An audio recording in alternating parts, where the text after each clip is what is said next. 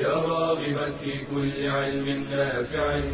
ينمو العلم ويتقدم بتقنياته ومجالاته ومعه نطور أدواتنا في تقديم العلم الشرعي. أكاديمية زاد. زاد أكاديمية ينبوعها. صاف صاف ليروي غلة الظمآن. والسيرة العلياء عطرة الشدى. طيب يفوح لأهل كل زمان. بشرى لنا أكاديمية للعلم كالأزهار في البستان. بسم الله الرحمن الرحيم. الحمد لله رب العالمين. وأصلي وأسلم على المبعوث رحمة للعالمين. حبيبنا محمد وعلى آله وصحبه ومن اهتدى بهديه واستنى بسنته إلى يوم الدين. أما بعد السلام عليكم ورحمة الله وبركاته. تقدم معنا في الدرس الماضي نماذج من تحفيز النبي صلى الله عليه وآله وسلم لأصحابه عن طريق تذكيرهم بالآخرة وترغيبهم فيها وذكر الجنة وما أعد الله عز وجل فيها لمن اتبع سبيله واقتفى سنته. لكن بعض الأحيان النفس البشرية تطمح إلى العاجل. بمعنى قال صلى الله عليه وآله وسلم من قال لأخيه جزاك الله خيرا فقد أعظم في الثناء. يعني أبلغ في شكره. تسدي معروفا للبعض فيقول لك الله يجزيك الخير أو جزاك الله خيرا. تقول وجزاك بس يعني نريد شيئا الآن في العاجلة. هذه النفس البشرية. كثيرا ما تريد العاجلة عوضا عن الآخرة. تريد شيئا تراه. ولذلك قد يكون التحفيز بالأمور الدنيوية امرا مقبولا. ولا ولا بأس ولا حرج في ذلك. ولو تتبعت القرآن لوجدته يزخر بذكر هذه الأنواع من التحفيز في الدنيا وفي الآخرة. كما قال سبحانه ولو أن أهل القرى آمنوا واتقوا لفتحنا عليهم بركات من السماء والأرض. هذه البركات متى؟ يوم القيامة في الجنة ابدا في الدنيا.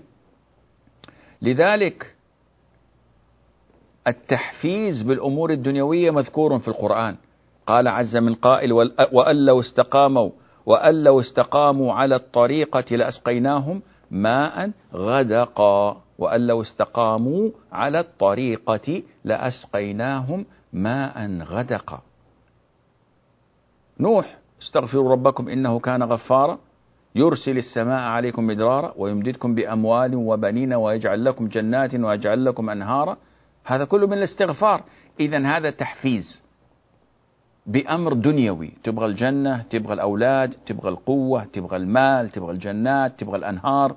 هذا كله إن أكثرت من الاستغفار. تحفيز بالأمور الدنيوية. وهذا لا حرج ولا بأس فيه. لكن قطعا إن كان مراد الإنسان الأمر الذي هو الهدف والغاية ألا وهي الجنة هذا هو الأفضل وهذا هو الأولى.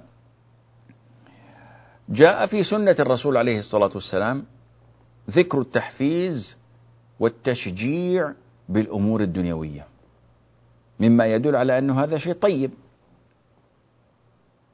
أن تقول لولدك إن أنت حافظت على صلاة الفجر مع الجماعة لمدة أسبوع أعطيتك كذا وكذا. من باب التحفيز والتشجيع هو يصلي الولد فلن يزيد في صلاته لكنه سيتشجع مقابل هذه المكافأة. لا حرج. قال عليه الصلاة والسلام من سره أن يبسط له في رزقه أو ينسأ له في أثره فليصل رحمه. أمران دنيويان. أجر في الدنيا. خلاف ما يدخره الله لك في الجنة. قال من أحب أن يبسط له في رزقه. تبغى البسطة في الرزق والزيادة في المال؟ صل رحمك. هذا أمر دنيوي. وأن ينسأ له في أثره. وأن يطال في عمرك. أن يبارك لك في وقتك. هذا في الدنيا. إذا التحفيز بذكر المحفزات الدنيوية أمر شرعي لا حرج. قال صلى الله عليه وآله وسلم حتى في أمور الجهاد تذكرون من قاتل آه، آه، الرجل يقاتل حمية والرجل يقاتل شجاعة والرجل يقاتل من أجل المغنم فأيهم في سبيل الله قال من قاتل لتكون كلمة الله هي العليا فهذا أو فهو في سبيل الله. إذا تبيان لأن الجهاد لابد أن يكون فيه الإخلاص. ولكن هذا الإخلاص لا ينافي أن ينال الإنسان شيء من متاع الدنيا. يعني بالعامية نقول حج وبيع مسابح. وبالشرع ليس عليكم جناح أن تبتغوا فضلا من ربكم. هذه الآية نزلت في الحج. كان الصحابة يذهبون للحج ويتجرون في الحج. فوجدوا في أنفسهم حرج أنه إحنا في عبادة كيف نتاجر؟ فأنزل الله عز وجل إباحة التجارة أثناء الحج. ليس عليكم جناح أن تبتغوا فضلا من ربكم. فما دامت النية للحج ما جاء من خير دنيوي فهذا تبع, تبع لها وليس بأصل. ولذا في الجهاد إن صلحت النية لا حرج في أخذ المغنم. قال النبي صلى الله عليه وآله وسلم والحديث يرويه أبو قتادة أن النبي صلى الله عليه وسلم قال في غزوة حنين من قتل قتيلا له عليه بينة فله سلبه. ما هو السلب؟ السلب هو الذي يكون على الكافر الذي قتل في المعركة من متاع ومال. نحن نتكلم عن ساحات الوغى والجهاد. لا نتكلم عن جريمة إرهابية كما يفعل هؤلاء المتطرفون أو الإرهابيون ويدعون أنهم في سبيل الله وهم في سبيل الطاغوت والشيطان. نتكلم عن راية الإمام المسلم إذا قاتل الجيش المسلم جيشا كافرا. فقام أحد جنود الله بارز أو قتل كافرا علجا. فهذا الكافر كل ما يحمله من سيارة من دابة من ثياب من ساعة من محفظة من سلاح من أي شيء هذا كله لمن قتله من المسلمين. هذه غنيمة خاصة به. من قتل قتيلا له عليه بينة فله سلبه. إيش البينة؟ إما أن تضع علامة أن توقع على مثلا هذه الأشياء بتوقيعك أو يكون هنالك من يشهد لك بأنك أنت قاتله وأن هذا السلب لك كما جاء في السنة المطهرة. طيب يعني هذه الغنيمة ما تقدح في النية أبدا ولا تؤثر فيها البتة لأن هذا فضل من الله عز وجل يقدمه للمسلم إن صلحت نيته في الدنيا. جاء في صحيح المسلم إمام مسلم جاء في صحيح الإمام مسلم عن عبد الله بن عمرو بن العاص رضي الله عنهما أن النبي صلى الله عليه وآله وسلم قال ما من غازية تغزو في سبيل الله فيصيبون الغنيمة إلا تعجلوا ثلثي أجرهم من الآخرة ويبقى لهم الثلث وإن لم يصيبوا غنيمة تم لهم أجرهم. آه إذا المسألة فيها خلاف تفاوت.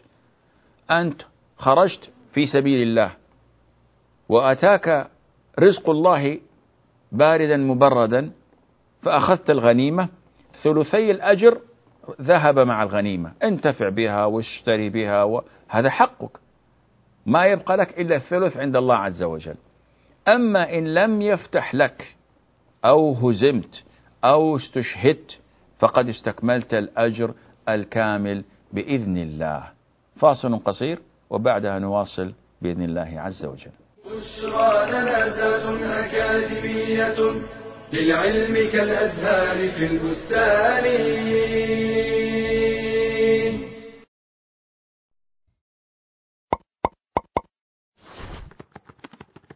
من المؤسف أن يفتخر الشباب باللغات الأعجمية ويلوون ألسنتهم بها دون حاجة حتى أصبح بعضهم يكتب العربية بحروف أجنبية.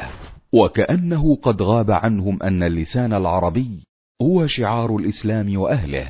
قال تعالى انا انزلناه قرانا عربيا لعلكم تعقلون. فاللغات من أعظم شعائر الأمم التي بها يتميزون. لذا كره السلف التكلم بغير العربية إلا لحاجة. إذ هي من شعائر الإسلام وحفظها من تمام حفظه. فينبغي للمسلم أن يعتني باللغة العربية وأن يكون حريصا على دراسة المهم من قواعدها واحتساب الثواب في ذلك إذ هي مفتاح الفهم للقرآن والسنة. اجتناب اللحن والخطأ فيها قدر المستطاع. عن نافع قال كان ابن عمر يضرب ولده على اللحن. مطالعة كتب الأدب في التراث العربي لا سيما الكتب التي يذكر فيها الشعر والنثر. فذلك مما يقيم اللسان ويزيد الحصيلة اللغوية لدى القارئ. الالتزام بها في المكاتبات والحوارات والشعارات في مواقع التواصل وغيرها. التزام التحدث بها مع الكبار والصغار ولو لفتره وجيزة كل يوم. تعليم الأبناء قواعدها وتربيتهم على حبها وإتقانها منذ الصغر إذ هي لغة القرآن الذي وصفه الله بقوله وإنه لكتاب عزيز لا يأتيه الباطل من بين يديه ولا من خلفه تنزيل من حكيم حميد. بشرى لنا ذات أكاديمية للعلم كالأزهار في البستان السلام عليكم ورحمة الله وبركاته. إذا أن ينال الإنسان شيئا من الدنيا على عبادة أو على طاعة هذا لا بأس فيه. يعني كثير من الإخوة يتحرجون من أخذ الأجرة على إمامة المصلين أو على تحفيظ القرآن أو على تعليم العلم الشرعي وهذا لا حرج فيه.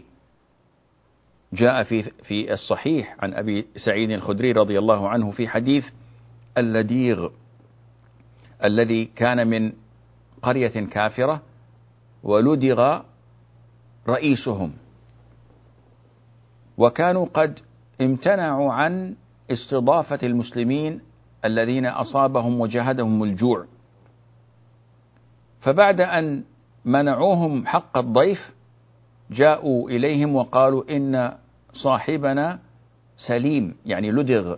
فهل منكم من راق؟ فقام أحدهم فقال أنا أرقي ولكن لا أفعل حتى تجعلون لنا جعلا يعني تعطونا مكافأة. فتصالحوا معهم على ثلاثين من الغنم أو شيء من هالقبيل. فقرأ عليه الفاتحة حتى قام كأنما نشط من عقال. ما به ولا شيء بالفاتحة. هذه رقية. من أمر حسي من من لدغة ثعبان أو عقرب. ومع ذلك شفاه الله عز وجل. وكما قال الشاعر زمزم فينا ولكن من يقنع الناس بجدوى زمزم؟ الفاتحة عندك. أعظم رقية. لكن من الذي يستخدمها؟ لابد من حبة فولتارين لابد من التمبرا لابد من الدواء الفلاني. وبعد ساعات طوال لعلنا نجرب الرقية. الأصل أنك ترقي أولا معتمدا في ذلك على الله عز وجل. فلما أعطوهم الجعل أعطوهم هذا النصيب أو تلك المكافأة أبوا أن يمسوها. قالوا كيف نفعل شيء؟ ما ندري هو حلال ولا حرام. فأخذوها وذهبوا إلى النبي عليه الصلاة والسلام. فقال له وما يدريك أنها رقية؟ إنها رقية؟ واضربوا لي معكم بسهم سهم الخمس. فأقرهم عليه الصلاة والسلام على أخذ هذا الجعل بل قال إن أحق ما أخذتم عليه أجرا كتاب الله. ما من شيء يستحق أن تعطى عليه أجرا دنيويا أكثر من كتاب ربنا عز وجل. لذا النية إن صلحت لا بأس من بالتحفيز بأمور دنيوية ولا حرج في ذلك. قد يكون التحفيز بأمر معنوي لا بأمر مادي. فمن الأمور المعنوية أن تذكر منقبة عظيمة لمن يقوم بهذا العمل. المديح ذكر حسنات وصف بمنقبة عظيمة. هذه من المحفزات المعنوية. قال عليه الصلاة والسلام يوم خيبر لأعطين الراية غدا رجلا يفتح الله على يديه يحب الله ورسوله ويحبه الله ورسوله. هذه منقبة ما بعدها منقبة. عمر رضي الله عنه يقول ما أحببت ولا طلبت ولا سألت الأمارة قبل ذلك اليوم إلا في ذلك الموضع. لأنها شهادة يحبه الله ورسوله ويحب الله ورسوله. هذا الذي سيعطيه الراية جمع أبواب الخير كلها. إن أحبه الله ورسوله ماذا فقد؟ وشهادة له بأنه صادق الإيمان. فجعل الناس كل منهم يرجو أن يعطى هذه الراية. وجعلوا يتداولون يتدارسون من يكون هذا الذي يعطاه. فحفزهم النبي عليه الصلاة والسلام تحفيزا معنويا. جعل كل منهم يتمنى أن يكون ذلك الرجل. حتى إذا كان الصباح أعطى هذه الراية وفاز بها علي بن أبي طالب رضي الله عنه وأرضاه. إذا هذا تحفيز معنوي. كذلك ذكر المناقب والمديح والثناء. هذا تحفيز عظيم. وهذا ينقصنا نحن بدرجة كبيرة. فقلما تجد الوالد يثني على ولده ويمدحه ويذكر المناقب التي فيه. نعم الأمر بالمعروف والنهي عن المنكر واجب. لكن أن يكون جل كلامك كلامك هو نهي عن المنكر؟ لا تفعل كذا هذا حرام ما يجوز. كيف تضحك؟ كيف تتبسم؟ لماذا يرتفع صوتك؟ لماذا تتأخر عن الصلاة؟ صلاتك ليست خاشعة الوضوء لم تحسن قيامه. متى قرأت القرآن؟ هل راجعت حفظك؟ أعوذ بالله من الشيطان الرجيم. بعضنا لحبه الخير ولغفلته عن سنة الرسول عليه الصلاة والسلام يكثر بذكر المعايب المثالب. ويغفل عن ذكر المناقب والأمور الطيبة.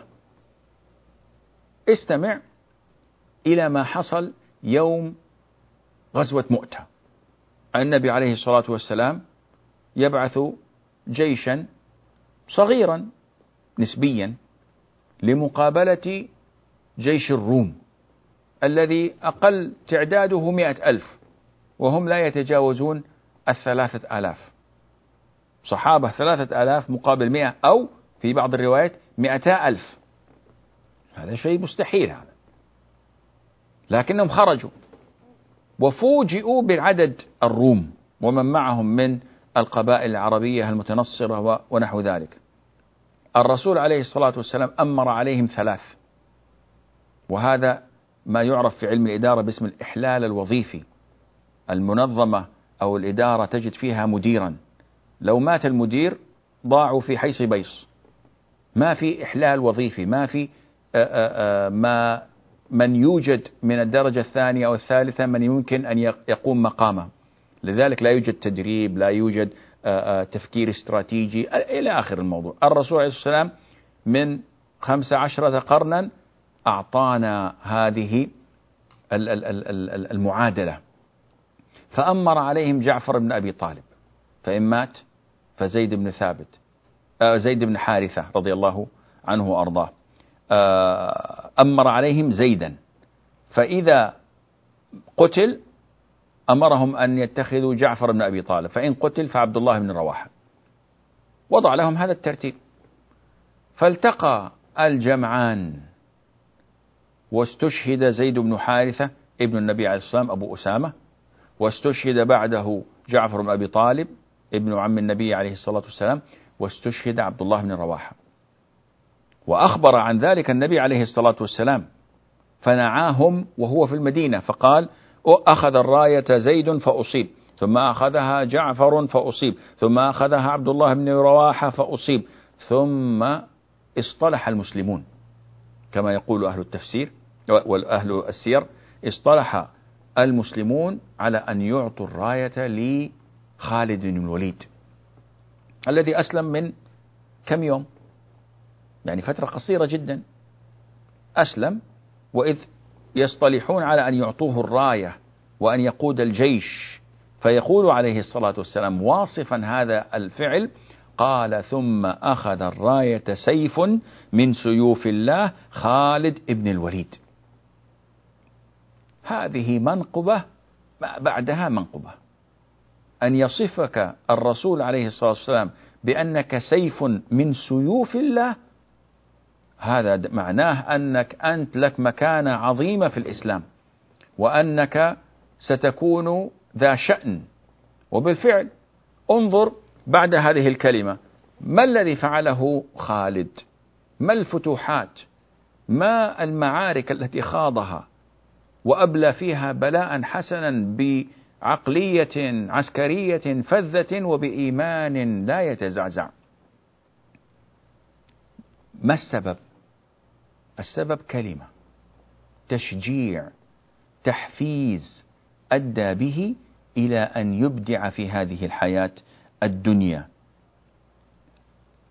النبي عليه الصلاة والسلام كان كثيرا ما يشجع الناس على الأعمال الصالحة. لكن كما تقدم ربما يكون الدافع لي للاستجابة الجنة وربما يضعف اليقين في قلبي فيكون الدافع لي للاستجابة أمر من أمور الدنيا. فاصل قصير وبعدها نواصل بإذن الله فانتظرونا. بشرى أكاديمية للعلم كالأزهار في البستان.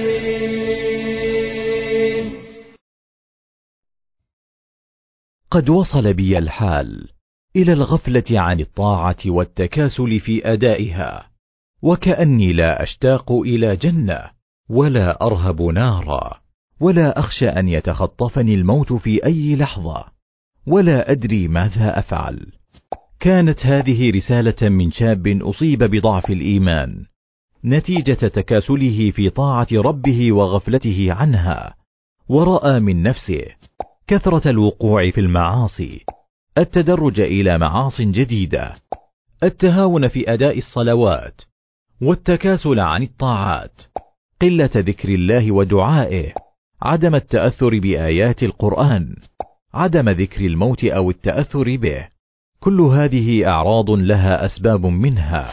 التواجد في وسط تكثر فيه الغفلة وارتكاب المعاصي. التسويف وطول الأمل. شدة التعلق بالدنيا. والغفلة عن الآخرة وحسابها. الإفراط في المباحات. والإكثار من الكماليات والمرفهات. فمن أراد النجاة والفلاح فلينفض عن نفسه غبار التكاسل والتهاون والتسويف. وليبتعد عن أهل الغفلة والسوء والهوى وليلتزم طاعة ربه ومرضاته وذكره ودعاءه وليحرص على صحبة صالحة تذكره إذا نسي وتعينه عند الفتور والكسل فإن الله تعالى يقول واصبر نفسك مع الذين يدعون ربهم بالغداة والعشي يريدون وجهه ولا تعد عيناك عنهم تريد زينة الحياة الدنيا ولا تطع من أغفلنا قلبه عن ذكرنا واتبع هواه وكان أمره فرطا. بشرى لنا أكاديمية للعلم كالأزهار في البستان السلام عليكم ورحمة الله. النبي عليه الصلاة والسلام من وسائل تحفيزه كما تقدم أنه ربما ذكرنا بالآخرة. لكن في بعض الأحيان النفوس قد لا ترتقي بيقينها إلى أن تحفز بذكر أمور الجنة وبذكر الآخرة. لذلك يضرب لها عليه الصلاة والسلام الأمثال بأمور الدنيا. فعن عقبة بن عامر رضي الله عنه قال خرج علينا النبي صلى الله عليه وآله وسلم ونحن في الصفة. أهل الصفة معروفون الفقراء الذين ليس لهم مال فهم يجتمعون في المسجد يأكلون ويشربون ويخرجون مع النبي عليه الصلاة والسلام. فقراء وأغلبهم من المهاجرين. يقول خرج علينا النبي عليه الصلاة والسلام فقال شوف أمر من أمور الدنيا. أيكم يحب أن يغدو كل يوم إلى بطحان أو إلى العقيق فيأتي منه بناقتين كوماويين في غير إثم ولا قطع رحم. طب إيش معنى هذا الكلام؟ بطحان منطقة في المدينة واسعة مفتوحة عريضة. العقيق واد بالمدينة أيضا معروف وكبير وموجود. فالنبي عليه الصلاة والسلام يخيرهم ويقول من منكم يحب أن يخرج إلى هذه المنطقة الواسعة؟ ما فيها عمل ما فيها تعب. فيرجع بناقتين كوماوين. الناقة الكوماو الناقتين الكوماويين هي الناقة العظيمة السنام ضخمة. يعني بتعابيرنا اليوم من يريد أن يذهب إلى هذه المنطقة ويرجع بسيارتين فارهتين شيرون ولا فيرون ولا تلسا شيء فخم ضخم. فالصحابة كلهم قالوا يا رسول الله كلنا نحب ذلك. من يكره المال؟ من يكره الدنيا؟ من يكره أن يأتيه شيء بارد مبرد كما يقال؟ فقال عليه الصلاة والسلام بعد أن شبه لهم بما تعيه, وتفهمه أذهانهم ضرب لهم المثل بأمر دنيوي قال أفلا يغدو أحدكم إلى المسجد فيعلم أو يقرأ من كتاب الله عز وجل أو يقرأ آيتين من كتاب الله عز وجل خير له من ناقتين وثلاث خير له من ثلاث. وأربع خير له من أربع ومن أعدادهن من الإبل. حصل التحفيز. الآن أنت تخيلت أن يكون بملكك وفي حوزتك هاتان الناقتان. الآن الرسول يخبرك بأنك إن تعلمت أو قرأت آيتين في المسجد أفضل لك عند الله عز وجل. حصل التحفيز بهذا الذكر. من أنواع التحفيز أن النبي صلى الله عليه وسلم ربما ألغز لأصحابه يعني استخدم الألغاز يعطيهم مسألة تشحذ لهم أذهانهم وأفكارهم بحيث أنهم يفكروا. وهذا نوع من أنواع التحفيز الذهني. لذلك قوله عليه الصلاة والسلام أرأيتكم لو أني قلت لكم إن جيشا صبحكم مساكم. سؤال. استنكاري أبدا. استفهامي أبدا. إنما هو استفهام ليقرر لهم مسألة وهي أنه صادق أمين. فالنبي عليه الصلاة والسلام كان يسألهم عن بعض الأمور فيحاول حزرها كسؤالهم مثلا ذات يوم عن شجرة كالمؤمن لا يتحات ورقها. ابن عمر رضي الله عنهما يقول قال صلى الله عليه وسلم إن من الشجر شجرة لا يسقط ورقها وإنها مثل المسلم. حدثوني ما هي؟ شوف تحفيز. كي يفكروا. وقع الناس في شجر البوادي وقالوا هذه الشجرة أو هذه الشجرة مع أن النبي وهو يسألهم عليه الصلاة والسلام كان يأكل من جمار نخلة. يعني مفروض أنها تكون من أوضح الواضحات. لكن سبحان الله ابن عمر كان صبيا فوقع في نفسه أنها النخلة. فاستحيا استحيا من أن يتكلم وأن يجيب النبي عليه الصلاة والسلام. لماذا؟ لأن في القوم أبو بكر لأن في القوم أبا بكر وعمر ويعني أجلاء الصحابة وكانوا قرابة العشرة. فكيف يتحدث وهو صبي وهو أصغرهم؟ فلما انفض المجلس وعاد إلى بيته قال قال لأبيه عمر ما وقع في نفسه. والله يا أبي ترى الرسول لما قال كذا كذا كذا وقع في نفسي أنها النخلة. فقال له عمر لأن تكون قلتها أحب إلي من أن يكون لي كذا وكذا. يعني يا ريتك تكلمت لأنه هذه فيه منقبة لي. وشرف أن ولدي الصغير يفهم لغز النبي عليه الصلاة والسلام ويجيب عنه. تحفيز من النبي عليه الصلاة والسلام. هل تعلمون كذا؟ من يعرف كذا؟